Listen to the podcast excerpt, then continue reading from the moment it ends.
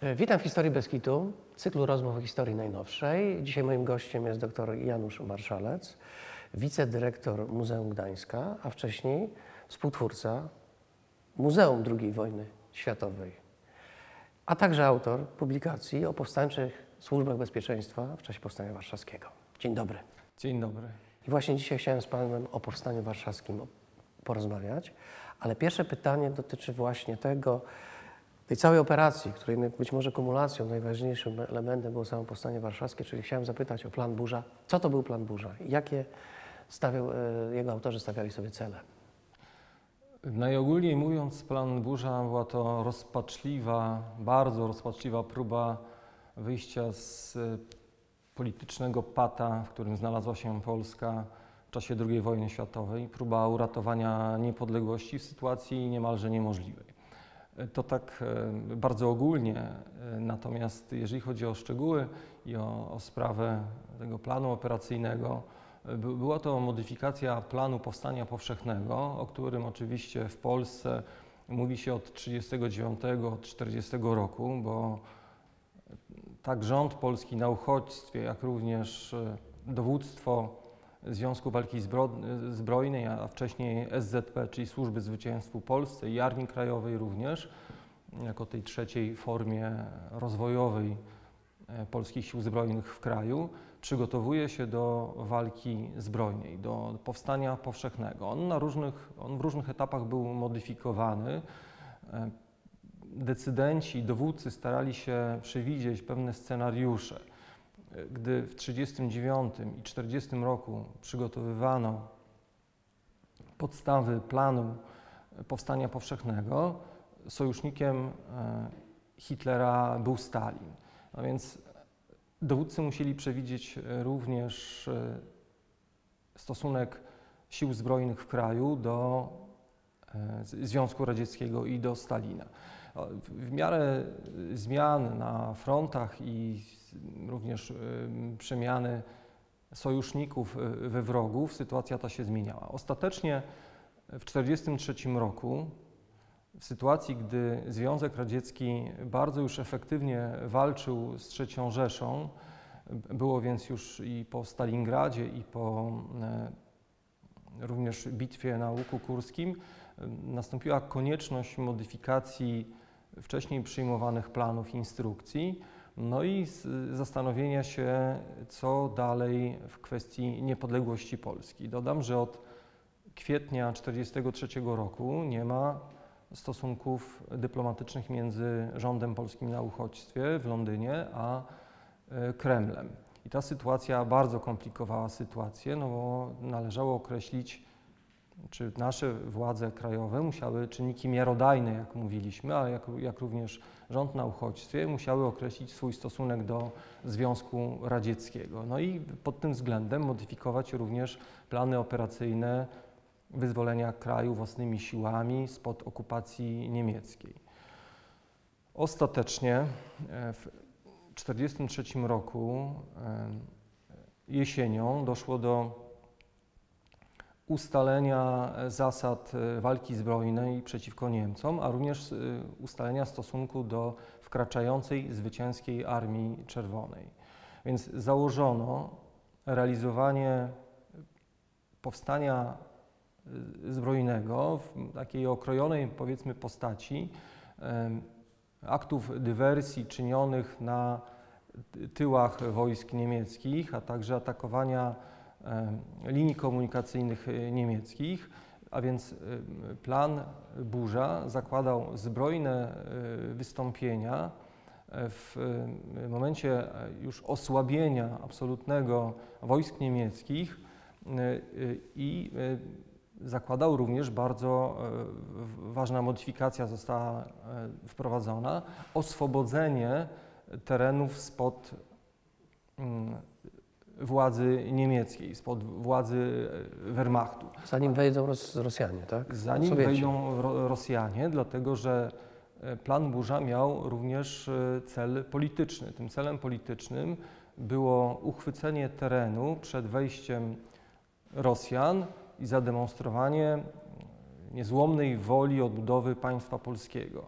Czyli polskie oddziały, polscy dowódcy mieli opanować choćby skrawki terenu, naj, najlepiej e, większe ośrodki, naj, najlepiej ośrodki miejskie, miasta powiatowe czy, e, czy nawet większe miasta, bo taka modyfikacja została również wprowadzona. Chodziło o zdobycie tych miast, które no, pełnią jakąś rolę,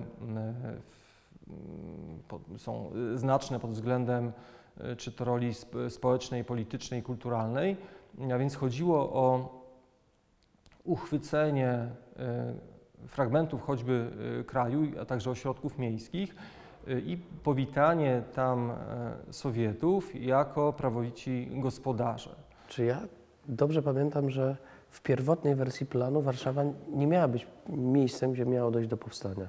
Czy Nie, nie było, nie było takiego zamierzenia, czy przynajmniej na pewnym etapie Warszawa została wycofana z planów, y, z planów y, powstań, powstańczych, jak również inne duże miasta. Uczyniono to z powodu no, troski o losy ludności cywilnej. Aha, czyli pierwotnie nawet Lwów i Wilno też to nie miały być te miejsca, w których te powstania miały wybuchać? Nie, było oczywiście dużo mm, sporów i, i, dużo dyskusji na ten temat i, i zmiennych y, opinii i napięć nawet między krajem, czyli czynnikami, y, czyli Komendą Główną Armii Krajowej, a y, rządem na uchodźstwie. Natomiast pierwotnie, pierwotnie ten plan walki powszechnej y, został zmodyfikowany, ośrodki miejskie zostały wyłączone z tej walki. Warszawa również nie miała być tutaj miejscem walk.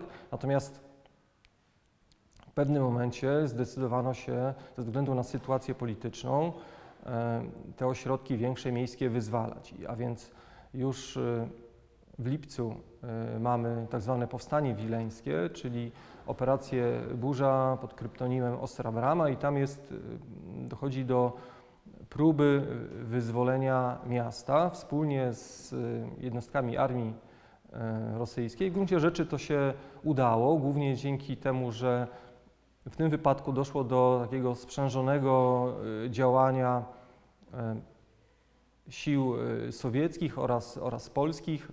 Polacy oczywiście nie byliby w stanie sami miasta zdobyć, mimo że garnizon wileński był znaczny i został wsparty również oddziałami partyzanckimi, które ruszyły z różnych kierun kierun kierunków, żeby miasto wyzwolić. Natomiast pod względem politycznym musimy również widzieć, że to zdobycie Wilna zakończyło się katastrofą, bo wtedy Komenda Główna otrzymała jawny sygnał, że te wszelkie próby ujawnienia władzy cywilnej czy władzy wojskowej kończą się katastrofą, aresztowaniem dowódców. W Wilnie zostali aresztowani dowódcy.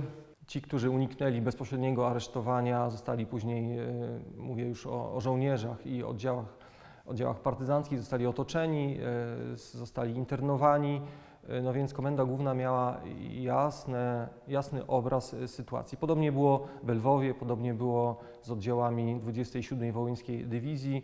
Po pierwszym e, takim zgodnym współdziałaniu bojowym, potem następ, następowało coś, co się nazywało rozbrojeniem, internowaniem. W gruncie rzeczy było uwięzieniem żołnierzy Armii Krajowej i przede wszystkim ich dowódców, którzy no, którzy byli traktowani jako de facto jako, jako wrogowie. W tego przypadku Wilna Lwowa mówimy chyba o wydarzeniach, które, w- e, które, które poprzedziły powstanie, ale nie miesiąc, dwa, trzy miesiące przed, tylko to było parę dni przed, prawda? Przed, przed powstaniem, kiedy te katastrofalne e, sytuacje się pojawiły w Tak, tych no, miastach. Ostra Brama to, to, jest, to jest w zasadzie e, pierwsza dekada jeszcze lipca i walki zostały zakończone po kilku, po kilku dniach, więc e, było kilka tygodni, żeby przeanalizować e, sytuację. Lwów to, to, jest, e, to, to, są, to jest czas trochę późniejszy, bo to już jest jakby końcówka lipca, ale też te informacje o wydarzeniach w Lwowie skutecznie docierały do Komendy Głównej w Warszawie. No i tu oczywiście dochodzimy do tego, tego, te- do tego okresu albo tych paru dni, kiedy zapadła decyzja, że jednak robimy powstanie w Warszawie mimo tych złych doświadczeń na wschodzie.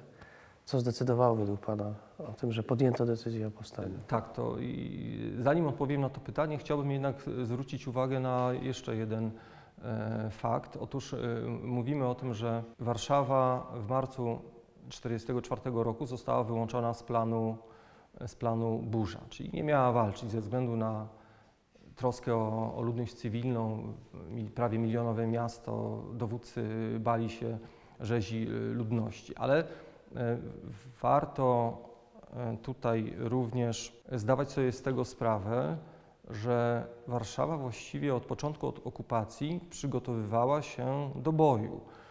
I y, od samego początku dowódcy oddziałów y, Armii Krajowej przygotowywały, przygotowywali plany operacyjne.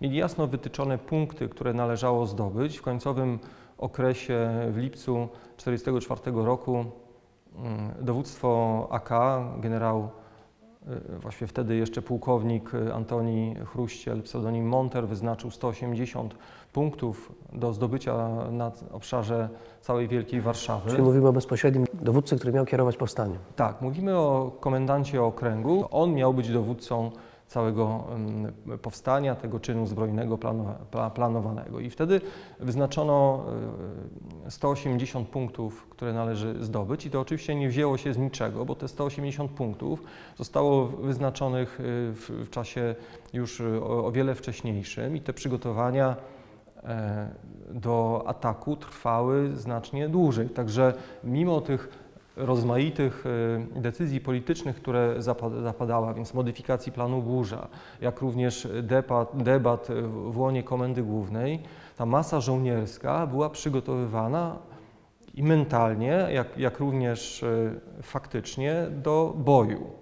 A więc e, my tu możemy sobie mówić, że Warszawa została wyłączona z planu burza, ale nikt de facto tym żołnierzom nie powiedział, że oni nie będą walczyć. Wręcz przeciwnie, oni byli cały czas szkoleni do tego, żeby nocą zaatakować konkretnie wybrane niemieckie posterunki, punkty umocnione, podejść, rozważano różne, różne e, warianty. To może rzeczywiście, zanim przejdziemy do tego punktu e, dotyczącego samej decyzji, to że już mówimy o oddziałach warszawskich, prawda, e, które miały uczest- uczestniczyć w powstaniu, o jakiej liczebności mówimy, a druga rzecz to kwestia uzbrojenia. Co tak, czym naprawdę dysponowano co się stało tuż przed powstaniem a propos tego uzbrojenia. To oczywiście nawiązuje do tej wielkiej wsypy, prawda, która... To był potężny garnizon, y, największy. Y, Oddziały okręgu warszawskiego Armii Krajowej liczyły 46 tysięcy żołnierzy. No, inne szacunki trochę podwyższają nawet do 50 tysięcy. Ten stan to są oczywiście żołnierze różnych e, służb, a więc e, ci, którzy mieli bić się na pierwszej linii, ale też oczywiście żołnierze tyłowi czy m, służby, które w takich wypadkach są niezbędne. E, Tak naprawdę musimy uświadomić sobie, że było to wojsko nieostrzelane, w gruncie rzeczy bardzo słabo wyszkolone i oczywiście nieuzbrojone. Walką tak naprawdę zajmowały się wyłącznie oddziały e, tak zwanej wielkiej dywersji, czyli KEDYW, kierownictwa dywersji Komendy Głównej AK, ale także mm, KEDYW Okręgu Warszawskiego i, i KEDYW dzielnicowego, a więc tych jednostek strzelanych, zaprawionych w boju, ale to w boju konspiracyjnym, a więc y, nie w walkach ulicznych, których należało się spodziewać, było do 5 tysięcy. Te oddziały były w miarę uzbrojone, dlatego że z tej broni zmagazynowanej korzystali, korzystały e, systematycznie w czasie e, różnych akcji, które były e, organizowane. Natomiast podkreślam, nie były to ani walki frontowe, ani walki, które no, można chociażby w jakimś tam stopniu przyrównać do, do tego, co się potem działo w czasie powstania warszawskiego. Oni byli ostrzelani w różnych akcjach y, dywersyjnych, natomiast specyfika była ich jednak inna, aniżeli uporczywa obrona i atak, jakie miały miejsce w czasie y, powstania warszawskiego.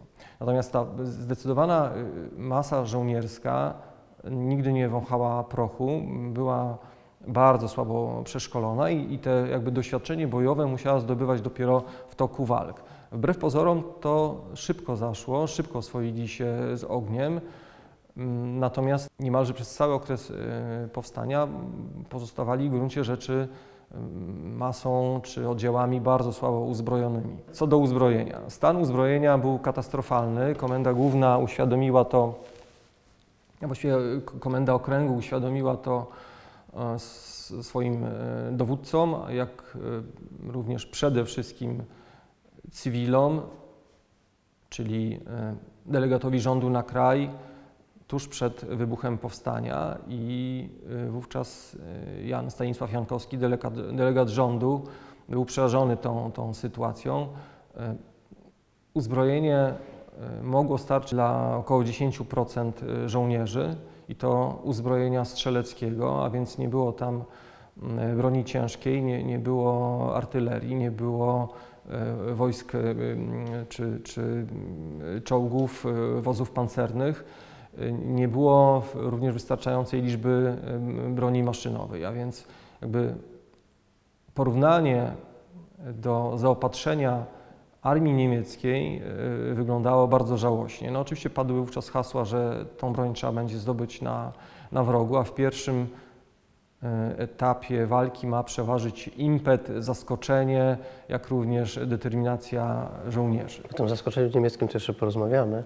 Natomiast ja kojarzę, że tam była jeszcze chyba taka sytuacja, że jakiś fragment tej broni wysłano chyba na wschód, Otóż, prawda? e, otóż właśnie zasób uzbrojenia został bardzo poważnie e, ograniczony tuż przed powstaniem, dlatego że zgodnie z, z dyrektywami marcowymi z marca 1944 roku Warszawa była wyłączona, jak wiemy, z tej walki powstańczej, więc e, zlikwidowano e, kilka magazynów, a właściwie poszły transporty, e, które zaopatrzyły oddziały partyzanckie, poszły, poszły po prostu na wschód.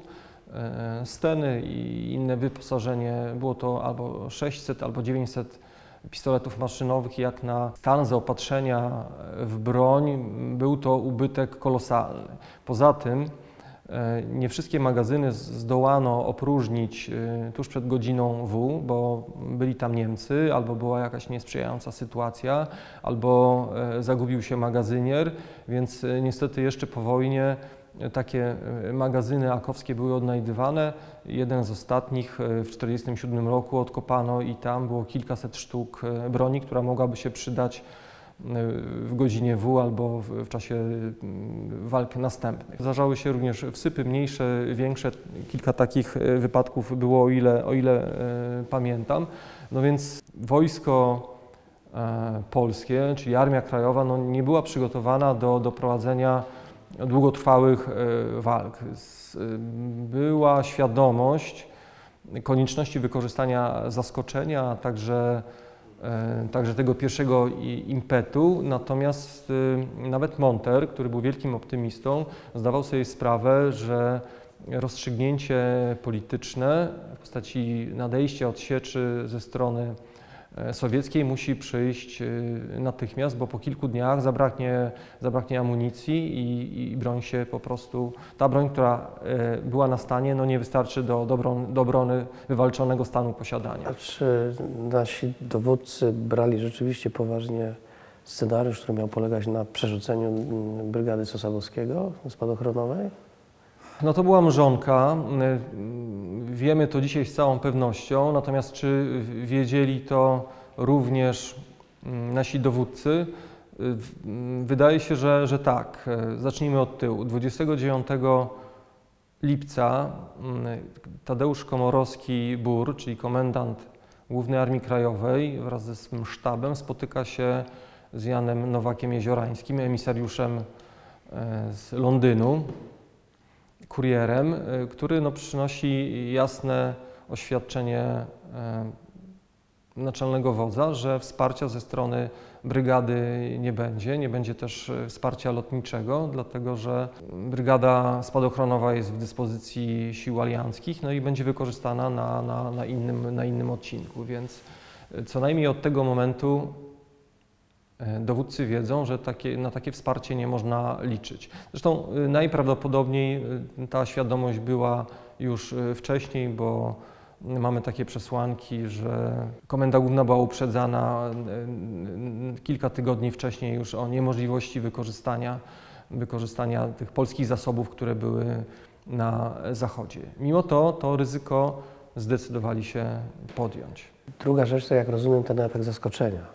Jakoś pewnie w, w głowach tych dowódców, rozumiem, stały te obrazy panicznie wycofujących się Niemców, ale chyba ten moment paniki minął i tak jak kojarzę sobie u Aleksandry Ricci w tej książce o Powstaniu Warszawskim. Ona opisuje, że Niemcy po pierwsze opanowali panikę, a po drugie właśnie wykonali pewną demonstrację po to, żeby dać znać polskiej stronie, że my już jesteśmy, jakby to powiedzieć, gotowi na, na, na, na, na, na, stłumienie ewentualnie waszej akcji. Mówię o tym przemarszu, której z dywizji Waffen-SS, prawda, pancernej, ulicami miasta. Oni oczywiście przechodzili na drugą stronę Wisły, żeby bić się z Rosjanami. Czy ten No, sygnał może- został odebrany? E, To, e, to może zacznijmy, zacznijmy od tego, że początkowo sytuacja taktyczna e, wokół Warszawy wygląda całkiem nieźle. E, Nawet w kwestiach e, strategicznych ona zapowiadała się dobrze, dlatego że w czerwcu 1944 ruszyła potężna ofensywa e, z Białorusi, właściwie na, na Białoruś, która doprowadziła do, do no, wyrzucenia Niemców, odepchnięcia ich na, na wschód w stronę Mińska. No i miał, miał być ostatni akord e, sowiecki, właściwie ostatnim akordem tej wielkiej bitwy, operacji miało być otoczenie wojsk niemieckich e, pod Mińskiem, wzięcie jej w kleszcza e, generała Stachela i innych e, dowódców. Tu No i mówimy o tej potem- operacji Bagration. Mówimy o operacji Bagration, a potem Mhm. ruszenie w, wprost na Warszawę. Natomiast zdarzyło się coś e, jeszcze po drodze, mianowicie Stalin zdecydował się zmienić wytyczne e, operacyjne i zdecydował się zająć e, pierwsze duże miasto w Polsce, którym był Lublin.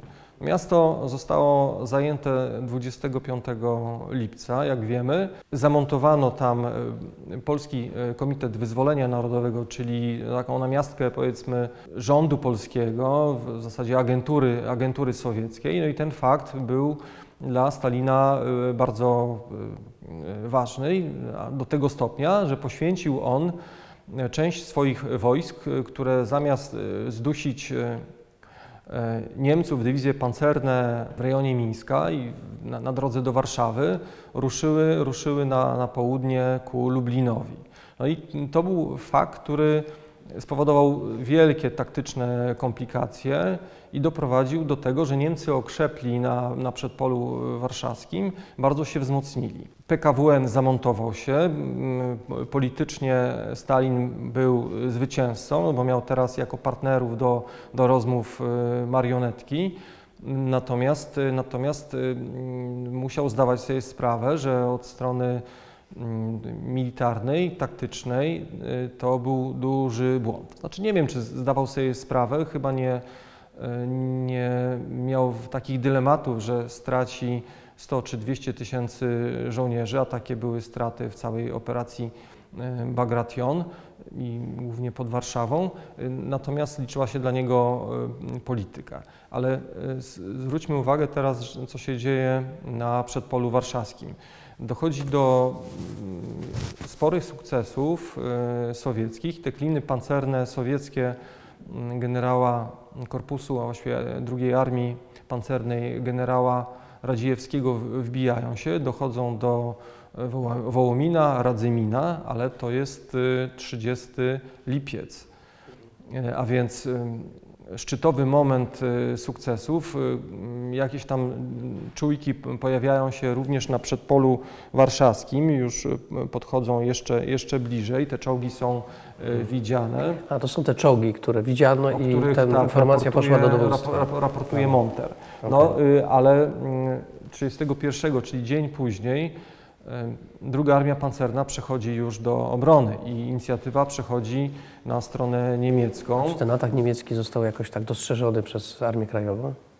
No właśnie w tym, w tym problem, że nie do końca.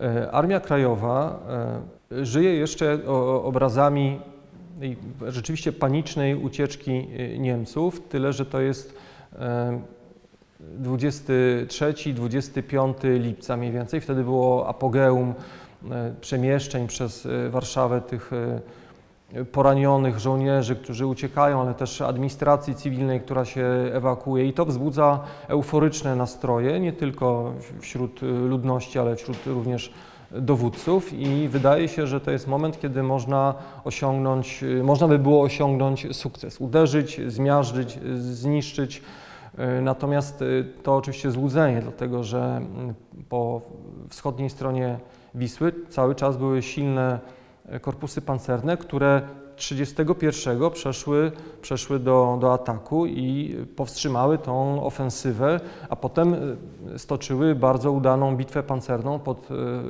Wołominem, którą jeden z historyków niemieckich nazwał nawet pancernym y, Tannenbergiem, więc Dla Też, informacji y- naszych e, słuchaczy i widzów, bitwa pod Tannenbergiem to było wielkie zwycięstwo w 1914 roku w I wojnie światowej, gdzie wojska niemieckie rozgromiły armię carską.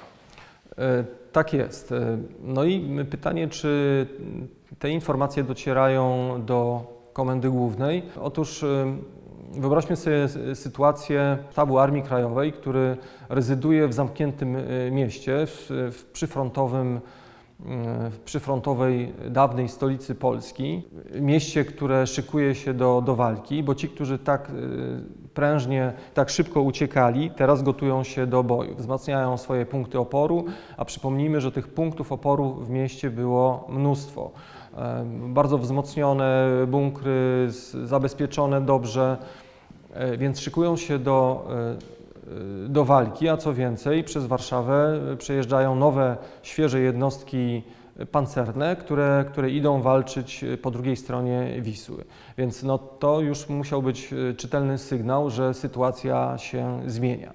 Dlatego dowództwo e, Armii e, Krajowej, które 21 podjęło ostateczną decyzję o rozpoczęciu walki, no żeby zrealizować te dyrektywy polityczne, żeby uchwy- uchwycić teren, uchwycić miasto i powiedzieć oto my tutaj rządzimy i my działamy. Przypomnę, że oni bardzo bali się jakiejś akcji dywersyjnej ze strony PPR-u, komunistów.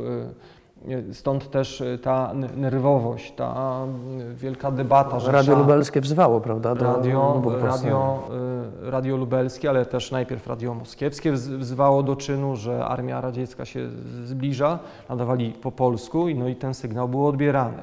Radio Kościuszko również oczywiście takie, takie audycje puszcza. No więc te nastroje w mieście bardzo się, że tak powiem, zaogniają. Komuniści nie mają jakiegoś wielkiego zaplecza w mieście, natomiast w sytuacji takiej, w jakiej e, była Warszawa, a przypomnę, tutaj zacytuję słowa e, jednego z rela- re- z relacjonistów, że Warszawa dyszała chęcią odwetu, chęcią zemsty. No, y, takie, takie głosy mogły oczywiście spotkać się z, jakąś tam aprobatą. Mm, Można było się spodziewać mm, nawet jakichś, y, powiedzmy, lokalnych, powiedzmy, aktów, y, działań, które no, y, można by nazwać niekontrolowanym wybuchem. Nie sądzę, żeby to było wielkie zagrożenie, bo jednak Armia Krajowa była zdyscyplinowaną armią, natomiast powiedzmy grupy komunistów w pewnych miejscach, mimo że nieliczne, mogły do takiej ruchawki doprowadzić, a to skończyłoby się oczywiście rzezią jakąś na pewno lokalną ludności cywilnej. No więc y, y, Komenda Główna, jak również delegat rządu na kraj i jego bezpośrednie zaplecze Rada Jedności Narodowej, taki rodzaj parlamentu podziemnego, no działają wielkiej e, presji i, i wielkiej, można powiedzieć, wielkich, e, wielkich emocjach. Przypomnę jeszcze raz, że 21 zapada decyzja walki e, w, o Warszawę. E, 25 e, jest już poinformowany rząd e, polski o tym, że Warszawa szykuje się do, do walki i ta decyzja ma charakter decyzji politycznej. Tutaj e, m, czynniki miarodajne, czyli dowódca AK oraz delegat, biorą odpowiedzialność na, na siebie i nie czekając na, na, na zgodę rządu na uchodźstwie, decydują się o m, podjęciu walki w sprzyjającym momencie. Jeszcze Ale nie ja wiedzą. rozumiem, że Londyn e, upoważnił ich do tego. No właśnie tutaj też jest e, pe pewna dyskusja. Otóż e, 26 dotarła do Warszawy depesza, w której rząd polski miał dać e, pełnomocnictwa do, do takiej decyzji, ale po wielu latach e, od, tej, e, od dania tego pełnomocnictwa wypierał się e, Stanisław Mikołajczyk, twierdząc, że to rodzaj że to rodzaj sam, samowoli wicepremiera Jana Kwapińskiego. I ja myślę, że niezależnie od tego, czy była to decyzja Kwapińskiego, czy Mikołajczyka, e, nasze czynniki miarodajne w Warszawie miały prawo sądzić, że taka decyzja była konsultowana e, z rządem i rząd wyraził na to zgodę. No więc y, działają w przeświadczeniu, że ta decyzja jest słuszna, akceptowana. Tylko dlaczego ją ostatecznie podjęto, że robimy powstanie? Mimo tych wszystkich nie, no, okoliczności nie do końca No sprzyjających. to musimy jakby dojść do, e, do, do momentu e, po pierwsze nieudanej czy udanej mobilizacji, a nieudanego ataku, który został ogłoszony 28 lipca. Wtedy komendant główny mm, ogłosił mobilizację. Ona świetnie wyszła. 80% stanów e, z, m, podobno się z, zmobilizowało. Ale y, ten stan czujności, który powinien się zakończyć y, sygnałem do, do walki, nie zakończył się sygnałem do walki. Ludzie się rozeszli, rozgoryczeni i dopiero w zasadzie y, na odprawie 31, e, na wieczornej odprawie 31 postanowiono rozpocząć walkę o Warszawę.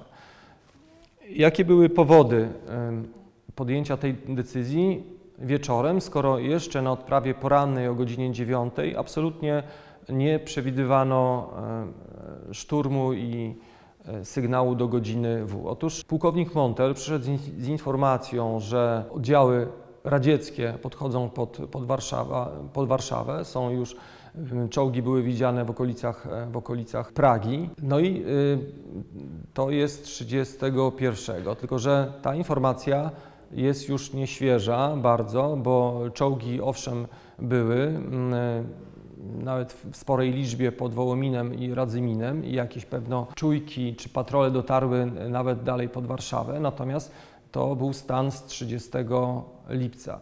31, tak jak już y, dwukrotnie mówiłem, rozpoczął się mm, w zasadzie odwrót, a mm, przede wszystkim obrona e, zajmowanych e, pozycji. Czyli ta passa się skończyła. To był najgorszy z momentów na podjęcie tej decyzji. Rozumiem, że to dowódcy żyli w świadomości, że ta passa dalej trwa. No nie wszyscy dowódcy żyli e, w tej świadomości, dlatego że nie wszyscy zgadzali się z decyzją Bora, e, Tadeusza Pełczyńskiego, czyli szefa sztabu oraz Leopolda Okulickiego, zwolennika podjęcia twardej e, walki z, z Niemcami o Warszawę po to, żeby uchwycić e, przyczółek w Warszawie i ratować niepodległość. Nie zgadzał się z tą decyzją Jan Rzepecki, szef Biura Informacji i Propagandy i przede wszystkim szef oddziału drugiego informacyjno-wywiadowczego, pułkownik Kazimierz Iranek-Osmecki, pseudonim Heller. I to w zasadzie jemu powinna przypa- przy, to jemu powinien przypaść ostatnie e, słowo e, w przekonywaniu e, Tadeusza Komorowskiego w tej decyzji, no bo, bo to on dysponował siecią wywiadowczą, która zbierała informacje z przedmościa warszawskiego i, i mówiła o tym, co się dzieje na różnych odcinkach frontu. A tak się złożyło, że na tej odprawie wieczornej, przynajmniej w tym momencie, nie było e, Hellera. Spóźnił się bodajże o, o pół godziny, o kilkadziesiąt minut. Nie przyszedł na tą odprawę, kiedy Komorowski postanowił podjąć walkę o Warszawę. Bo idą czołgi rosyjskie, tak, po drugiej stronie, już. Heller tego nie potwierdził. Y, Miał przesłanki y, tego 31 już o początkach jakiejś wielkiej bitwy w okolicach y, Wołomina i o tym, że front się usztywnił, że Rosjanie przechodzą do, do obrony. Sytuacja oczywiście nie była do końca e, jeszcze jasna, no bo e, wywiad polegał na zbieraniu informacji od ludzi w terenie, którzy gdzieś tam na, row- na rowerach e, pedałowali i dowozili je do, do, do Warszawy. Ale potrafił już ułożyć sobie pewien obraz niepokojącej sytuacji.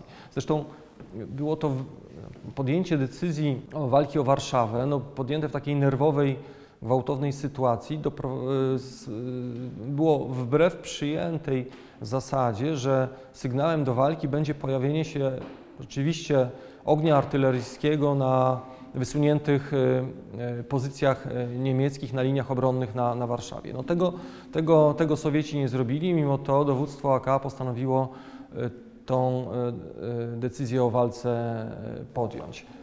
Rozumiem, że mobilizacja udała się częściowo, walki wybuchają. Co tak naprawdę udało się powstańcom osiągnąć? W tym pierwszym dniu chyba, tak można to powiedzieć, czy pierwszych dwóch, trzech dniach. Y, Impet y, uderzenia, mimo że Niemcy wiedzieli o tym, że powstanie się rozpocznie i mimo tego, że byli świetnie obwarowani, świetnie przygotowani pod względem też amunicji, amunicji y, broni, zakończył się, zakończył się widocznym, częściowym, bym powiedział, sukcesem powstańczym, dlatego że zdobyto całkiem spore połacie Warszawy. To było budujące, bo, bo ludzie zobaczyli w- wyzwolone miasto albo wyzwolone ulice, wyzwolone dzielnice, wyzwolone place. Rozumiem, że mówimy o Śródmieściu, Mówimy- Starym Mieście, Mówimy, Woli. Tak, o kilku dzielnicach, o dużych połaciach e, śródmieścia, bez oczywiście dzielnicy policyjnej i rządowej, połączonej z Powiślem i również częściowo z Czerniakowem. Mówimy o Starym Mieście, no tutaj był problem od samego początku z łącznością między Śródmieściem a Starówką. Również e, spore tereny wyzwolono na, na Muranowie oraz na, na Woli.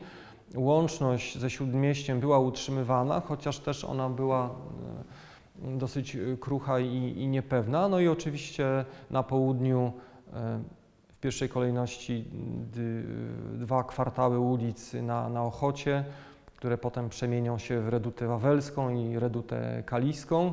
No nieduże obszary, ale silnie, silnie bronione początkowo przez powstańców. Potem y, y, Mokotów, dzielnica, która od południa styka się już dochodzi do terenów leśnych, co jest bardzo istotne w kwestii zaopatrzenia z, z tego bezpośredniego zaplecza Warszawy i przepływu oddziałów partyzanckich w ten rejon. A na północy jeszcze zapomniałem o tym oczywiście Żoliborz, tyle że on 1 sierpnia został e, opuszczony przez oddziały AK, które się wycofały do Campinosu.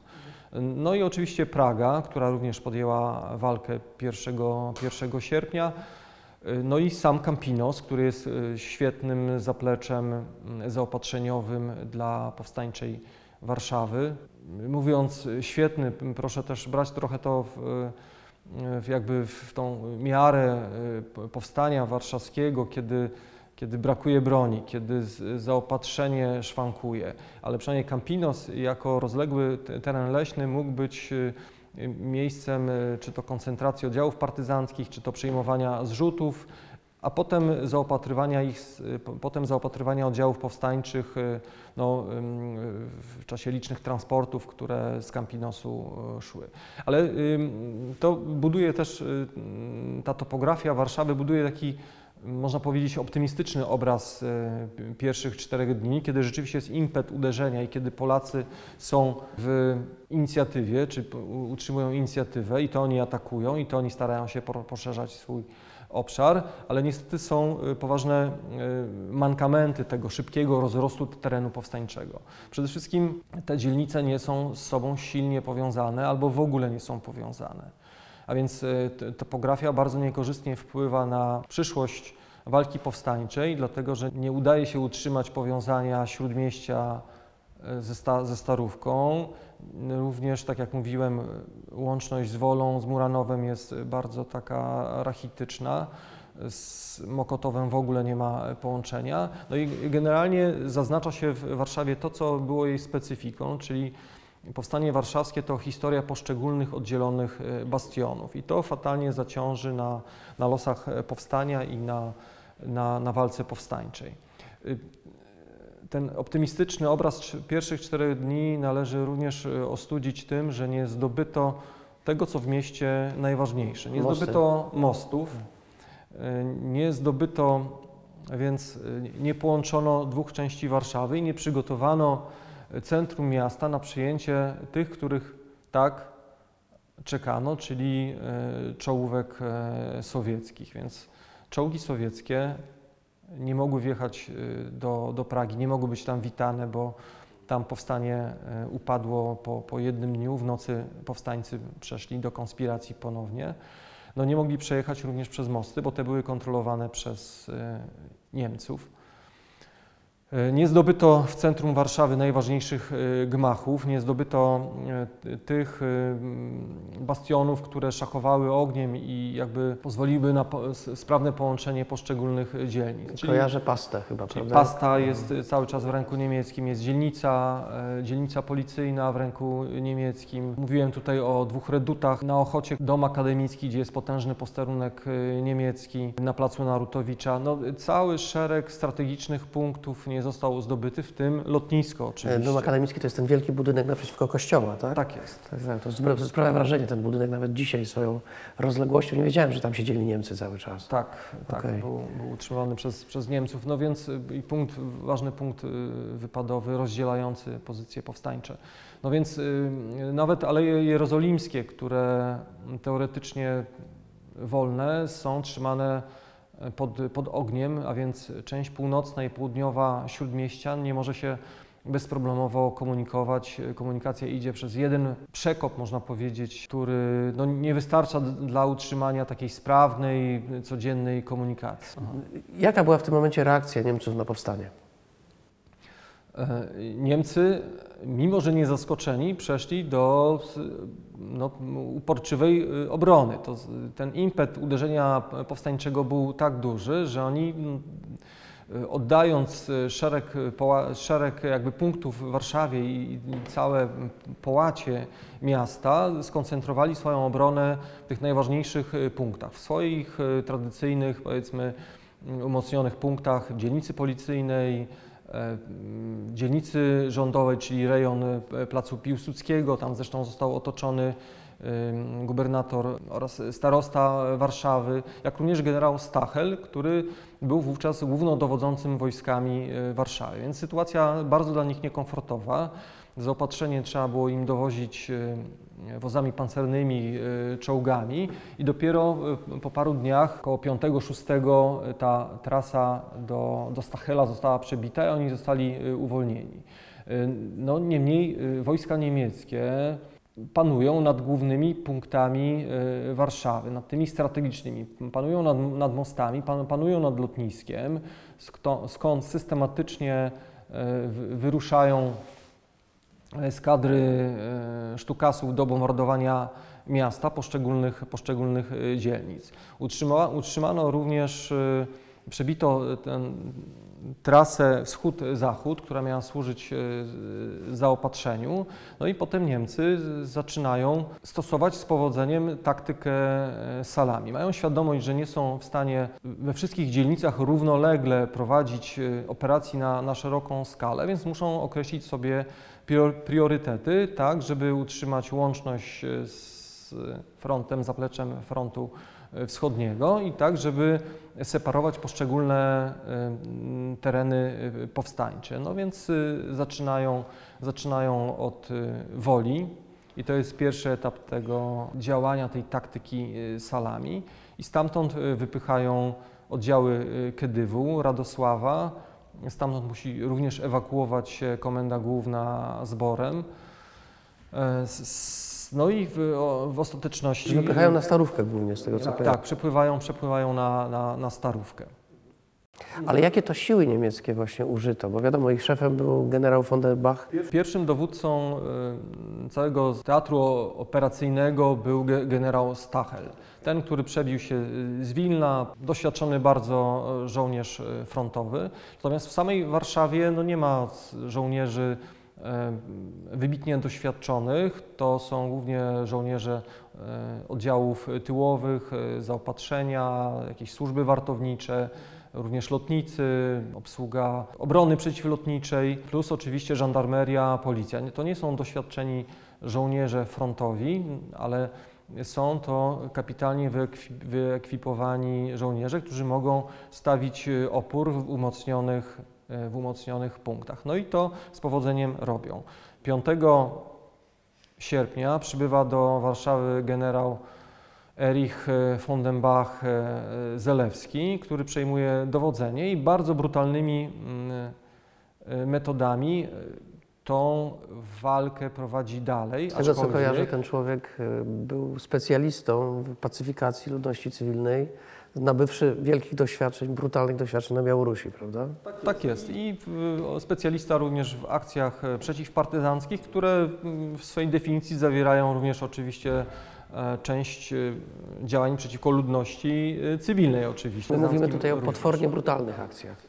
Tak, ale muszę powiedzieć, że one są mimo wszystko te działania e, Fondenbacha mniej brutalne aniżeli działania e, Reinefarta, który dowodzi pacyfikacją e, woli. A to jest jeszcze przed tym, jak e, się pojawił Fondenbach. Tak, zanim pojawił się Fondenbach, pacyfikację miasta na osobisty rozkaz y, Hitlera, Himmlera prowadzi y, Reinefart, ale odpowiedzialność za to spada również na, na, na żołnierza frontowego, którym był Stachel, bo on również nie przebierał w środkach. Natomiast generał Reinefart jest no, takim, taką postacią, elementem czarnej legendy powstania i to na, na jego odpowiedzialność spadają mordy, które prowadził, które, które ordynował y, na woli, a przypomnę, że zginęło tam wedle mm, różnych szacunków 40-60 tysięcy mieszkańców. Wydaje mi się, że jednak y, ta liczba 60 60 tysięcy jest mocno zawyżona.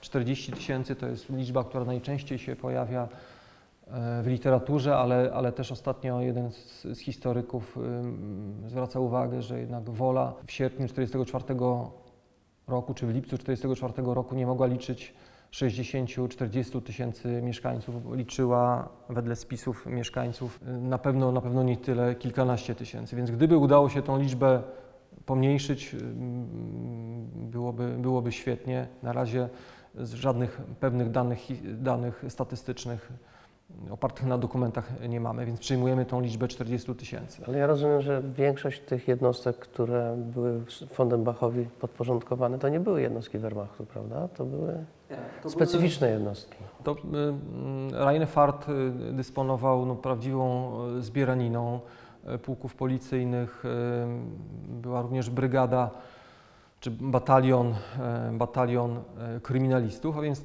takich, którzy byli y, dowodzeni przez Oskara Dirlewangera. Byli to skazańcy, którzy, aby odkupić swoje kryminalne winy, byli pchani na pierwszą linię, no i mieli wykazać się męstwem, wtedy te wyroki skazujące miały być anu- anulowane. I oni się wykazali dużym bestialstwem, ale też y, odwagą w walce. Były też oddziały obcokrajowców, które wspomagały y, Wehrmacht, y, czy wspomagały generalnie siły von Dembacha, między innymi osławiona brygada pod dowództwem Kamińskiego, brygada Rona, czyli brygada rosyjskiej ludowej armii wy- wyzwoleńczej. A Czy byli Ukraińcy, jeśli mogę dopytać, jakieś oddziały ukraińskie, które też e, zaangażowano? W śladowych ilościach. Oczywiście legenda powstańcza i mm, do tej pory mówi się o Ukraińcach mordujących na, na woli. Nawet mówi się o tym, że słyszano język ukraiński. Tymczasem y, na woli zbrodni dokonywali ronowcy, dokonywali, dokonywali bardziej, y, oni też na, na ochocie y, działali. Natomiast, y, natomiast Ukraińcy mogli być oczywiście w, w, Ro- w Rona, ale to jakieś pojedyncze pewno przypadki. Był też, y, były też nieduże jednostki, które jak można sądzić nie weszły bezpośrednio do akcji, bo gdzieś tam między Powiślem a Śródmieściem y, stacjonowały. Natomiast y, więc te opowieści o Ukraińcach mordujących i gwałcących mieszkańców Ochoty czy Woli są e, oczywiście nie, nie, nieprawdziwe, bo, bo to jest, bo byli to po prostu e, Rosjanie e, dowodzeni przez Kamińskiego. Ja rozumiem, że taktyka salami też trochę wynikała ze szczupłości sił, jakimi Niemcy mogli wykorzystać do tłumienia powstania, ale przynosiła efekty. Pada wola, starówka po mniej więcej po miesiącu, prawda? Bombardowanie, oblężenia. Tak, Starówka to naj, najcięższy teren e, bitewny w całym powstaniu, dlatego że w, z wielką zaciętością broniony sprzyjały też temu e, warunki tego ciasnego, zwartego miasta, czy tej przestrzeni. No i tutaj mm, zakończona została ta obrona uporczywa po, po, po miesiącu. Nocy z 1 na, na, na 2 września oddziały powstańcze ewakuwa, ewakuowały się. Ludność cywilna została na miejscu i poddana została oczywiście e, bardzo strasznym represjom oraz, e, oraz ranni e, w szpitalach To powstańczych. się trochę taka analogia, bo oczywiście mi, kojarzy się, poja- pojawia mi się mianowicie z Mariupolem, a to dlatego, że miałem możliwość być na, na, na, na Placu Sofijskim w Kijowie ze trzy miesiące temu i tam jest wystawa porównująca powstanie warszawskie z tym, co się dzieje dzisiaj na Ukrainie. Także ta starówka też jest tam zestawiana z Mariupolem. Natomiast właśnie powstańcy się uporczywie bronią. To znaczy, że broń się dodatkowa musiała pojawić. Mówimy tu bardziej o broni zdobycznej, czy mówimy tu też o istotnym wkładzie tego, co było zrzutami organizowanymi prawda, z południowych Włoch przez, przez Brytyjczyków, e, Polaków i południowych Afrykańczyków, bo też takie załogi prawda, leciały nad Warszawę. Tak. Jak ta proporcja mogła tutaj wyglądać? Przybywa broni y, zdobycznej, to w tym pierwszym ataku udało się oczywiście zyskać całkiem niezłe zaopatrzenie. E, Tej broni więc przybywa. E, W walce się ją zdobywa oczywiście w pierwszym, w pierwszym momencie, natomiast e, zrzuty, które docierają są jednak e, skromne. Jednak odległość e, do Warszawy jest ogromna. Straty, straty jakie ponosili Brytyjczycy, południowoafrykańczycy zwłaszcza, em, później Amerykanie również są i Polacy są, są ogromne. No więc y, to zaopatrzenie w sprzęt idące drogą lotniczą y, nie daje jednak możliwości jakby zrównoważenia tej, tej dys, dysproporcji. No tu oczywiście pojawia się Stalin zakazujący amerykańskim latającym fortecom lądować gdzieś na Ukrainie, prawda? No tak, to też bardzo y, opóźniło tą pomoc i utrudniło oczywiście. No tak nie, nie powinien y, postępować sojusznik, ale w końcu te lotniska y, pod Połtawą zostały udostępnione i przyszła wielka lotnicza armada. We wrześniu, już we wrześniu 110 latających fortec y, naleciało, nadleciało nad Warszawę, tyle że y, z tych y, bodajże 700 y, zasobników, które spadły na, na miasto z bardzo wysokiego pułapu, dotarło mm, w ręce powstańce, powstańcze zaledwie 30%. Y, To jest y, 18 września, więc to już był schyłek powstania, więc również ta broń nie mogła jakoś wpłynąć znacząco na skuteczność obrony i też mm, absolutnie nie można było mówić o, o zwycięstwie e, powstania, raczej o uporczywym trwaniu i przed, przedłużaniu jego, jego losu. Ale jeśli już użył, znaczy odwołałem się do Stalina, no to właśnie pojawia się ten powszechny pogląd mówiący o tym, że, że Stalin no, powstrzymał jakąś potencjalną ofensywę tak, rosyjską, zakazał w ogóle przychodzić Ros Rosjanom czy Ludowemu Wojsku Polskiemu z pomocą. Czy ten pogląd jest w pełni uzasadniony? No więc wr- wróćmy jeszcze do, do tego nieudanego pod względem taktycznym, ale udanego pod względem politycznym manewru mm, Stalina, który skierował wojska na, na Lublin, jakby wyhamowując e, ofensywę na, na Warszawę. Y, On nie był wtedy świadomy jeszcze tego, co, co, co czyni, niemniej ta decyzja osłabienia tego uderzenia na, na linię Wisły fatalnie wpłynęła na skuteczność wojsk rosyjskich na tym przedmościu warszawskim.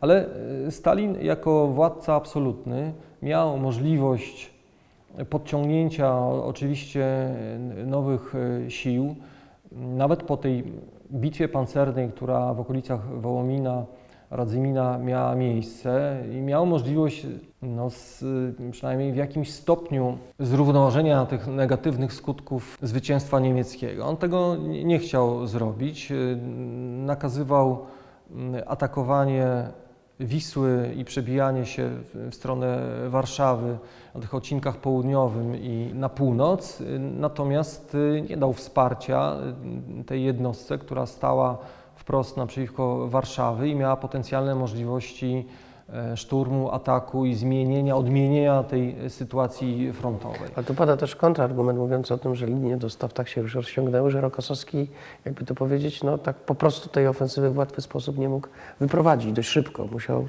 No ten tak, ten argument, ten argument jest oczywiście e, ważki, natomiast wydaje się, że gdyby była wola polityczna i jasna dyrektywa Stalina, e, Rosjanie zrobiliby wszystko, żeby ją wypełnić. Pytanie tylko, czy e, Stalin to chciał robić, znaczy wiemy, że nie chciał e, tego robić, więc, więc ta jego decyzja atakowania po flankach i spowolnienia tego korpusu, który stał, który stał na, na wprost Warszawy, no jednak zaważyła na losach, na, na losach miasta. Ale jednocześnie uwzględniajmy oczywiście wszelkie problemy, które Sowieci mieli e, w tym czasie, również te rozciągnięte linie, e, linie zaopatrzeniowe i to jest mm, dobry argument, który przez niektórych historyków jest e, bardzo poważnie brany pod uwagę. Pytanie, kiedy już Rosjanie dotarli prawda, do, do, do linii rzeki Wisły na Pradze, to był wrzesień. Tak, 14 września, 15 września Praga ostatecznie została oczyszczona. E, Jednak padła decyzja, że robimy desant prawda, na drugą stronę. Tam Ludowe Wojsko Polskie uczestniczyło. Czy były to takie działania pozorowane, czy jednak chodziło jak jakiś istotny wysiłek zakończony klęską? No trudno, no. to nie jest łatwe forsowanie rzeki w środku miasta. Stalin był już wówczas bardzo silnie naciskany przez sojuszników, czyli przez e, Brytyjczyków, e, również Amerykanów, którzy widzieli jego złą wolę, chociażby w tym, że e, nie oddawał swoich e, lotnisk na rzecz e, lotników, którzy z Wielkiej Brytanii czy z południowych Włoch starali się zaopatrywać miasto, więc to, to było jawne działanie no, wbrew sojuszniczej logice, można powiedzieć. Wobec tego postanowił wy- wykonać jakiś gest, no i e, pierwsza dywizja e, piechoty Tadeusza Kościuszki została wyznaczona do, do tego szturmu, do forsowania Wisły i ta e, operacja desantowa została przeprowadzona. Czerniaków został znacząco wzmocniony siłami tak zwanego Ludowego Wojska Polskiego, no ale no nie były to siły, które mogłyby w decydujący sposób e, przeważyć e, i doprowadzić do jakiegoś sukcesu e, całego, e, całego powstania. Ponieśli ogromne straty. mm, W czasie tej operacji i na Czerniakowie, ale też e, w innych częściach e, miasta, na, Żoliboli, na Żoliborzu również zginęło łącznie 3 3,5 tysiąca żołnierzy. To ogromna liczba, większa niż e, poległych Polaków pod Monte Cassino. Nie jestem, że tak powiem, specjalistą wojskowości, ale dywizja to jest 10 tysięcy prawda, ludzi mniej więcej. 3 tysiące poległo, No więc czyli 30%. straty są naprawdę olbrzymie. To byli y, młodzi chłopcy zmobilizowani gdzieś na kresach, którzy zupełnie nie byli przygotowani też do walki y, miejskiej, także duże problemy były w adaptacji ich y, w tych pierwszych godzinach walki, a tam właściwie do tej walki ulicznej trzeba było się przygotować w ciągu kilku, kilku godzin. To jest chyba dobrze pokazane w filmie Komasy, prawda, No, ten wątek. Niestety tak to wy wyglądało. Film Komasy w tym względzie jest bardzo wiernie oddaje ten zapał tych chłopaków, a jednocześnie błędy, które, które popełniali. Ale wróćmy już do samego powstania. Właśnie, salami jest od, odkrajane, starówka pada, nie ma sukcesu. I oczywiście kojarzy mi się to od razu z sytuacją, która brzmi, no jeżeli nie ma sukcesu, jest tak dramatyczna sytuacja, ciągłe bombardowania, to kojarzy mi się to z tym, że czy w ogóle no, temat rozprężenia oddziałów Armii Krajowej w ogóle się pojawiło, to, to zagrożenie, a z drugiej strony, no właśnie jak ludność cywilna po, tym, po tej fali eu- euforii e, zareagowała na to, że widzi, że miasto nie jest wyzwalane, jest masakrowane. Miasto y, zawsze jest bardzo żywym organizmem, które, który reaguje na, na czynniki zewnętrzne. W, w czasie wojny tymi czynnikami są oczywiście bombardowania, bomby, ostrzał artyleryjski, ale też kwestia zaopatrzenia może wpływać na, na, na morale, a także zwykła plotka, która miała potężną siłę w powstańczej y, Warszawie. Wiadomo, miasto było informacyjnie zaopatrywane przez y, Biuro Informacji i Propagandy. Prasa się rozchodziła, 130 tytułów, ale te informacje miały charakter y, wsobny. One często miały charakter propagandowy, miały podtrzymania, miały za zadanie podtrzymanie na duchu walczących, a więc ta informacja nie była ani zweryfikowana, ani często prawdziwa. Taka jest, takie są realia wojny, więc, więc ludność bardzo aktywnie wsłuchuje się w każde y, słowa, w każde opinie, które się y, rozchodzą w dziwny sposób po tym bombardowanym i niszczonym mieście. Rozchodzą się w piwnicach, rozchodzą się w schronach albo w mieszkaniach tam, gdzie jeszcze można było mieszkać w mieszkaniach, bo były i takie spokojne dzielnice, gdzie w zasadzie jeszcze we wrześniu ludzie mieszkali bez większych tam problemów, uciekając tylko do schronów na sygnał alarmu. Czy to, była, to były realia Żoliborza y, Mokotowa wtedy? No tak, Tak, em, wtedy Żoliborz, Mo, Żoliborz i Mo- Mokotów y, są tymi spokojniejszymi dzielnicami. Oczywiście są ponawiane jakieś próby natarć, bom- bombardowania, natomiast tam generalnie w tych dwóch dzielnicach ludność mieszka jeszcze przez sierpień e, w swoich e, mieszkaniach, tylko na sygnał alarmu, zbiegając e, do piwnic. No, również częściowo w śródmieściu, zwłaszcza południowym, natomiast sytuacja o, o, mm, nie do porównania była oczywiście, czy to najpierw w sierpniu na, na Starówce, gdzie od 19 września zaczął się już totalny, mm, frontalny atak, no i systematyczne bombardowania. Śródmieście Północ również w sierpniu jest e, systematycznie burzone, ale i tam da się jeszcze jakoś e, mieszkać. To, to może jeszcze dokończę tylko słowo, słowo o ludności cywilnej, no bo to jest ten komponent powstania bardzo istotny, czasami się o nim zapomina, ale, ale trzeba ich uznać również za uczestników powstania, a może nawet powstańców w, pewnym sensie, no bo przecież to mm, jest społeczność, która aktywnie wspomaga żołnierzy. Gdyby nie ta ludność cywilna, powstanie nie przetrwałoby, jak sądzę, kilku dni.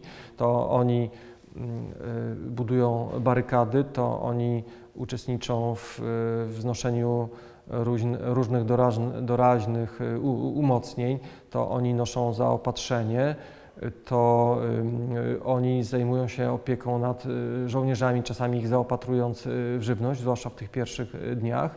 No i poza tym jest ka- kapitalna rola wsparcia moralnego. To wsparcie moralne jest, bo tak jak mówiłem, Warszawa dyszała rządzą zemsty. Dopóki y, są sukcesy i dopóki tych strat nie jest wiele, ta ludność jest, jest y, y, absolutnie wspierająca i absolutnie popierająca powstańców. I są Natomiast- takie wystarczające świadectwa, że to, to, to, to, to Tak, większość... naturalnie. Okej. Godzą się na mniejsze, większe straty, no bo wszystkim już pięknie pachniała wolność i, i wszyscy na nią się cieszyli. W momencie, kiedy się zaczynają y, y, naloty i kiedy warunki życia straszliwie się pogarszają, a właściwie życie przemienia się w straszliwą wegetację pod bombami, te nastroje siadają. No ale też z drugiej strony mm, obserwujemy taką y, ciągłą zmianę, bo to właściwie y, widzimy taką sinusoidę. Jest, y, jest y, euforia, potem załamanie, a potem pojawia się jakaś plotka, że oto Sowieci już są na wschodnim brzegu Wisły, że Praga wyzwolona, więc to wszystko rośnie. A potem te amerykańskie latające fortece, prawda? Potem e, 18 września, kiedy ludność, zwłaszcza tych mniej niepokojonych dzielnic Śródmieścia Południe, na przykład wylega na, na, na ulicę i widzi e, s- desant spadający, czy właściwie zasobniki spadające, nie rozróżnia oczywiście e, co to jest, sądzi, że to mm, brygada Sosabowskiego albo Amerykanie lądują, ale to jest krótkotrwała bardzo euforia. Przychodzi e, rozpacz, zniechęcenie, no różne są e, sytuacje. Natomiast y, trzeba zaznaczyć, że właściwie całe powstanie warszawskie to jest niesamowite takie mm, wsparcie idące ze strony ludności cywilnej. Nawet mimo tych pojedynczych, e, czy nawet nie pojedynczych momentów e, załamania, upadku ducha, no nie ma e, w skali jakiejś zbiorowej jakiegoś aktu sprzeciwu, e, protestu, buntu na wielką skalę. Zdarzają się takie momenty, kiedy jakieś grupki zdesperowanej ludności, jednej kamienicy, jednej ulicy wychodzą na Starym Mieście i żądają rozebrania barykad i wypuszczenia ich na stronę niemiecką albo poddania dzielnicy. Natomiast są to zupełnie incydentalne momenty i na pewno nie wydarzenia, które do, do, załamałyby e, absolutnie morale całej ludności. To też trochę wynika z tego, że to, to życie chociażby na, na Starówce odbywa się poszczególnych enklawach, e, w kamienicach, e, prawda, w poszczególnych piwnicach, więc no też nie, nie mogło dojść do jakiegoś połączenia wysiłku tych wszystkich przerażonych ludzi i, i za- zażądania od, zbiorowego zażądania od dowództwa poddania. Więc jeżeli dochodziło do jakiegoś e, incydentu, to on, on był lokalny. Niestety zdarzyło się kilka razy, że wojsko musiało zdecydowanie reagować, raz nawet oddając salwę do, do, do grupy ludzi, która próbowała rozbierać e, barykadę. Ale o takim wypadku wiemy m, z ulicy Bonifraterskiej i zdaje się, że był to tylko jeden taki odosobniony wypadek takiego siłowego, przemocowego już niestety działania Armii Krajowej. No ale zdaje się, że dowódcy podjęli, znaczy dowódcy podjęli taką decyzję, że nie ma innej rady, żeby utrzymać linie obronne, trzeba tak, tak postąpić. Ale dziękuję za to uzupełnienie, bo to też jest jakby przy okazji takim wytłumaczeniem tego, dlaczego te morale walczących żołnierzy długi czas było bardzo dobre, chyba do końca nawet. No jak masz wsparcie ludności cywilnej, to wybijesz się.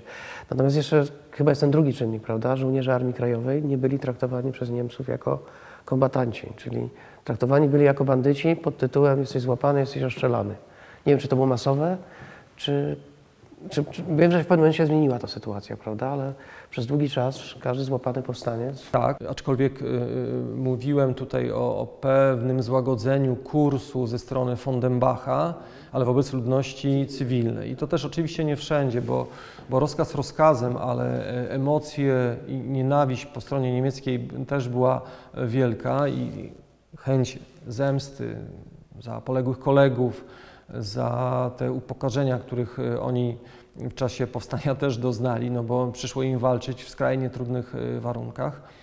E, Natomiast generalnie no, nie było litości wobec żołnierzy Armii Krajowej i tutaj żołnierze niemieccy, a nie byli to w większości żołnierze frontowi, tylko, tylko funkcjonariusze policji, no, pozwalali sobie na, na b- bardzo wiele. W momencie, kiedy przyszedł, jakby przyszło to uznanie ze strony y, aliantów, czyli Wielkiej Brytanii, Stanów Zjednoczonych, Armia Krajowa została uznana za kombatantów. W pewnym sensie sytuacja się zmieniła, ale też szczerze mówiąc nie, obserw nie obserwuję jakiejś większej li- litości ze strony żołnierzy niemieckich. Przypomnijmy chociażby wydarzenia z Mokotowa, kiedy 27 września z włazu przydworkowej, czyli na wprost budynku żandarmerii niemieckiej, y, wychodzą żołnierze baszty i oni są tam bezwzględnie potraktowani. E, Ta sytuacja zresztą nie jest do końca e, jasna. Tam doszło też do, jakiegoś, do jakiejś próby buntu prawdopodobnie. No, ten incydent zakończył się masakrą żołnierzy powstańczych. Potem przyszedł rozkaz e, powstrzymania tych e, działań. Ale to jest już końcówka powstania. To jest końcówka powstania. Czyli przez całe powstanie de facto natomiast, ci ludzie byli nastawieni Brutalne, brutalne działania miały miejsce i, i na Starówce, 7 tysięcy ofiar wśród rannych, tak się oblicza. Również drugie miejsce, które było takim miejscem najzacieklejszego boju podczas kilku dni, to Czerniaków Górny. Tam również bezwzględnie rozprawiano się z mm, żołnierzami AK, również z kobietami, sanitariuszkami, ale oszczędzono żołnierzy Ludowego Wojska Polskiego, czyli pierwszej dywizji Tadeusza Kościuszki i oni e, w większości, jeżeli zostali e, rozpoznani, e, szli do niewoli. Kiedy tak naprawdę w głowach polskich dowódców powstała myśl o tym, że jednak bitwa jest przegrana i trzeba kapitulować? Myśli o kapitulacji e, e, miały miejsce już e, w początkach września. Wtedy wyszło duże uderzenie na, na śródmieście i wydawało się, że sytuacja staje się tragiczna. No ale doszły informacje o aktywności Sowietów na, za linią Wisły, doszły, doszły informacje o przygotowanym e, ataku, no i też e, tutaj czynniki polityczne podtrzymywały tą e, nadzieję, że Brytyjczycy naciąga, na, naciskają na Stalina na większą A aktywność. czyli mówimy o delegaturze rządu. Mówimy, mówimy, tutaj, mówimy tutaj o tym, że rząd polski na uchodźstwie naciskał sojuszników, żeby ci z kolei naciskali Stalina na wznowienie działań, czy na większą aktywność, na to, żeby jednak spróbować zająć Warszawę. I to się e, zaczęło dziać około 10 września. Ta aktywność znacząco wzrosła, więc rozmowy kapitulacyjne, które były prowadzone, czy y, rozmowy mające też na, na celu wyprowadzenie części ludności cywilnej, przynajmniej z miasta, zostały wstrzymane. mówimy tutaj o Śródmieściu, zerwane przez powstańców, przez dowództwo powstania, no i była na, nazie- na, nadzieja na pojawienie się, na pojawienie się tej czerwonej zarazy, jak to, jak to mówił e, Józef Szczepański, ziółtek żołnierz e, parasola.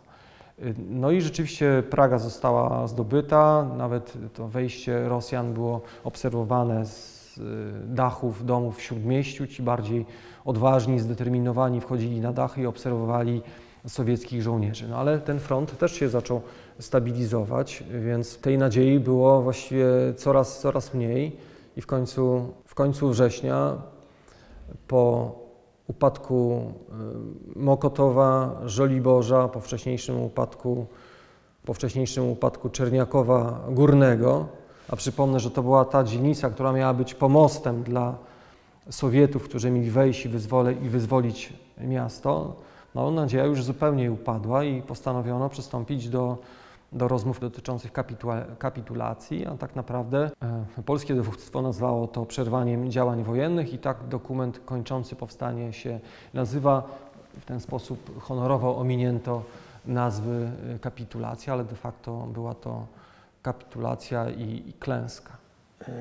Jaki los czekał ludność cywilną po skończeniu powstania? No bo powstańcy, rozumiem, jako jeńcy wojenni zostali, jak rozumiem, w większości przetransportowani do obozów jenieckich. Może zacznę od tego, że to ludność cywilna jest tą główną, podstawową e, ofiarą działań wojennych w czasie powstania warszawskiego. No to też chciałem zapytać. Mówiliśmy tutaj o tym, że te nastroje były utrzymywane i, i ten poziom akceptacji dla powstania mimo wszystko, mimo poszczególnych falowań był utrzymywany, Y, y, ale, ale powiem, odbywało się to przy wielkich stratach e, ludności. Ogólny bilans strat ludności cywilnej obliczany jest na 150-180 tysięcy, niektórzy mówią o 200 tysiącach zabitych poległych, spalonych, y, uduszonych, a więc y, wszelkie rodzaje strasznej i najstraszniejszej śmierci można tutaj definiować i przypominać, bo powstanie warszawskie to jest y, takie Aleppo, Mariupol w skali, w skali makro jeszcze, jeszcze większej. Systematyczne bombardowania, systematyczne, systematyczny ostrzał artyleryjski, do tego brak zaopatrzenia, brak żywności, przede wszystkim brak wody. Wszystko to odbywało się no, kosztem wielkich e, strat wśród kobiet, wśród e, dzieci, wśród e, niemowląt. Wobec tego, mówiąc o, o bilansie powstania warszawskiego, mówimy o hekatombie ludności Czy cywilnej. liczba 200 tysięcy to jest ta To jest, to jest ta właściwa górna liczba? Mam nadzieję, że mimo wszystko przesadzona, no bo nie mamy szczegółowych e, wyliczeń. To, co udało się historykom policzyć, no to jest e, waga na, na tony, liczba popiołów, które zostały zebrane mm, w czasie mm, powojennych ekshumacji. to była tego typu metoda szacunkowa. No, Okej. no tak, przynajmniej jeżeli chodzi o wolę i o inne miejsca. No bo Niemcy zacierali ślady swoich zbrodni. To, co e, z- m, po wojnie było odnajdywane w różnych punktach na, na Woli i innych punktach e, Warszawy, było przeliczane na, na kilogramy, na, na tony. Próbowano też oczywiście bilansować i w jakiś realny sposób liczyć e, e, ofiary cywilne, no ale do tej pory się to e, nie udało. Ja rozumiem, że te prochy poległych mieszkańców znajdują się na tym drugim, jakby mniej znanym cmentarzu na Woli, prawda? Tam Znajdują się tak na cmentarzu powstańców warszawskich na Woli. W gruncie rzeczy to nie tylko leżą tam żołnierze powstania, ale gro ludności cywilnej, zwłaszcza tej z Woli, ale też z innych części miasta. Cmentarz y, mam nadzieję, że będzie coraz lepiej znany, dlatego że opiekę nad nim y, przejęło Muzeum Warszawy, powstał tam, powstało tam y, specjalny oddział muzealny, miejsce, które opowiada historię zbrodni na ludności cywilnej, więc sądzę, że jednak to, to, to miejsce Ale centralne uroczystości cały czas są wykonywane na Powązkach, prawda? no są, Tak. są, są mm, odbywają się trochę równolegle, można powiedzieć, czy najpierw jedne, potem drugie, ale rzeczywiście te wojskowe, y, czy y, jakby cmentarz pową, po- powązkowski jest tutaj w tym kanonie y, opowieści o, o powstaniu bardziej znany i, i rozpoznawany na pewno, przynajmniej, przynajmniej dla tych, którzy nie mieszkają w Warszawie. Mam nadzieję, że ta sytuacja zacznie się zmieniać i cmentarz powstańców Warszawy na Woli też y, uzyska swoją wielką rankę. W warunkach kapitulacyjnych ustalono, że ludność musi opuścić miasto Tak. i co z nimi I to jest y, też jakby y, kontynuacja tragedii ludności cywilnej, która zostaje wywieziona z miasta w różnych kierunkach.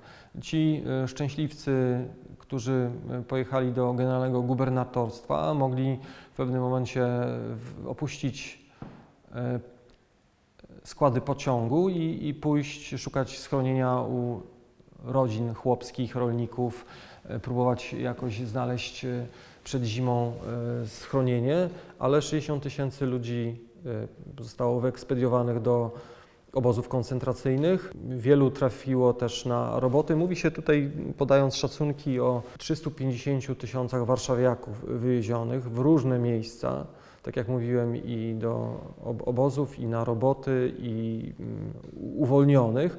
Wszyscy oni przeszli przez y, obozy przejściowe, głównie przez y, Pruszków, ale również przez y, w zasadzie kilkadziesiąt innych punktów, gdzie byli y, komasowani i rozdzielani. Byli tam oczywiście, po- podlegali jakiejś też selekcji, bo, bo nie, policja niemiecka, gestapo cały czas szukało przedstawicieli polskiego państwa podziemnego, konspiracji. Rozmawiając o powstaniu, no nie mogę nie zapytać o jego sens. No Zresztą każdego rozmówcę konfrontuje się z tym pytaniem. Czy powstanie warszawskie miało sens? No to jest y, pytanie, z którym mierzymy się w zasadzie od y, chwili jego wybuchu. E, Z tym pytaniem musieli mierzyć się dowódcy, którzy do tego powstania doprowadzili, którzy wzięli odpowiedzialność za nie, ale również władze cywilne. W ich głębokim przekonaniu to ryzyko wywalczenia samodzielnego wolności należało podjąć. Ryzyko było ogromne, oni mieli y, świadomość y, tego. No, nie byli to młodzie, młodzie, młodzieniaszkowie, którzy rzucają się z motyką na, na słońce. To ryzyko kalkulowali, y, liczyli się z ofiarami w prawie milionowym mieście. Ale czy z takimi ofiarami? Na pewno nie. Sądzę, że gdyby ta świadomość była od początku i skala tego, no takiego ryzyka, ryzyka nie podjęliby. Liczyli, liczyli na to, że jednak e, sytuacja za Wisłą jest e, lepsza, chociaż też, y, tak jak już mówiłem, powinni e, bardziej realnie, jak sądzę, oceniać tą sytuację. No więc czy powstanie miało sens? Jako jeden z, pierwszych e, na pytanie o sens powstania warszawskiego starał się odpowiedzieć Jan Stanisław Jankowski, czyli delegat rządu na kraj, który obok e, generała Komorowskiego podjął decyzję o powstaniu, właściwie ją zaakceptował. No i powiedział, chcieliśmy być wolność i wolność sobie zawdzięczać. Bardzo romantyczne. Bardzo, bardzo to romantyczne i, i ma to usprawiedliwiać tą hekatombę, która się dokonała. Y, On nie był wojskowym, więc sądzę, że miał większe podstawy do podjęcia ryzyka aniżeli y, Komorowski i jego oficerowie. To pytanie y, stawiały sobie już tysiące ludzi, uczestnicy Powstania Warszawskiego. Przez lata spotykałem i rozmawiałem z powstańcami, którzy uważali, że, że warto było. Oczywiście spotykałem również takich, że tak nie powinno być i żadne dowództwo nie powinno stawiać tak wysokich wymagań wobec e, swoich żołnierzy, a tym bardziej wobec ludności cywilnej. No ja uważam, że lepiej byłoby, gdyby jednak ta decyzja 31 nie została podjęta. Kończyło się to wielką tragedią, śmiercią miasta, bo dodajmy do tego też unicestwienie wielowiekowej e, architektury, kultury, zasobów e, bibliotecznych, no właściwie wszystkiego. Chyba Rozbicia- najlepszym symbolem jest spalenie Biblioteki Krasińskiej, czyli tego zasobu, który ze Szwajcarii na przykład został przewieziony, przewieziony i zawierał no, bezcenne, migracyjne chociażby materiały. Czy powstanie miało sens? No tak, miało doraźny polityczny sens, ale źle skalkulowany, absolutnie. Zakończył się wielkim y, dramatem. Lepiej byłoby, powtórzę to jeszcze raz, gdyby jednak y, decyzja 31 była inna. Powstanie upadło, ale legenda została. Jaki wpływ ta legenda miała na, na Polaków w następnych dekadach? Ta legenda zaczęła kształtować się natychmiast po jego wybuchu.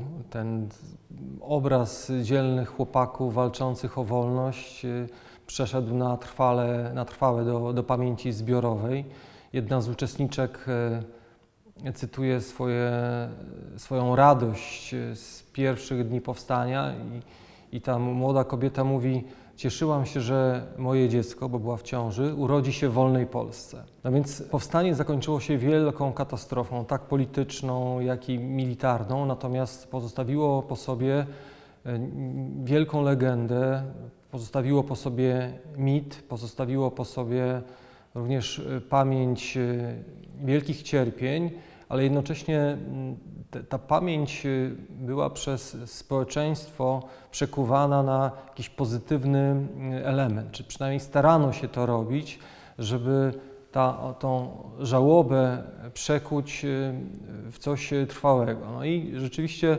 można mówić o trwałym rysie polskiej tożsamości, który wypływa wprost z powstania warszawskiego.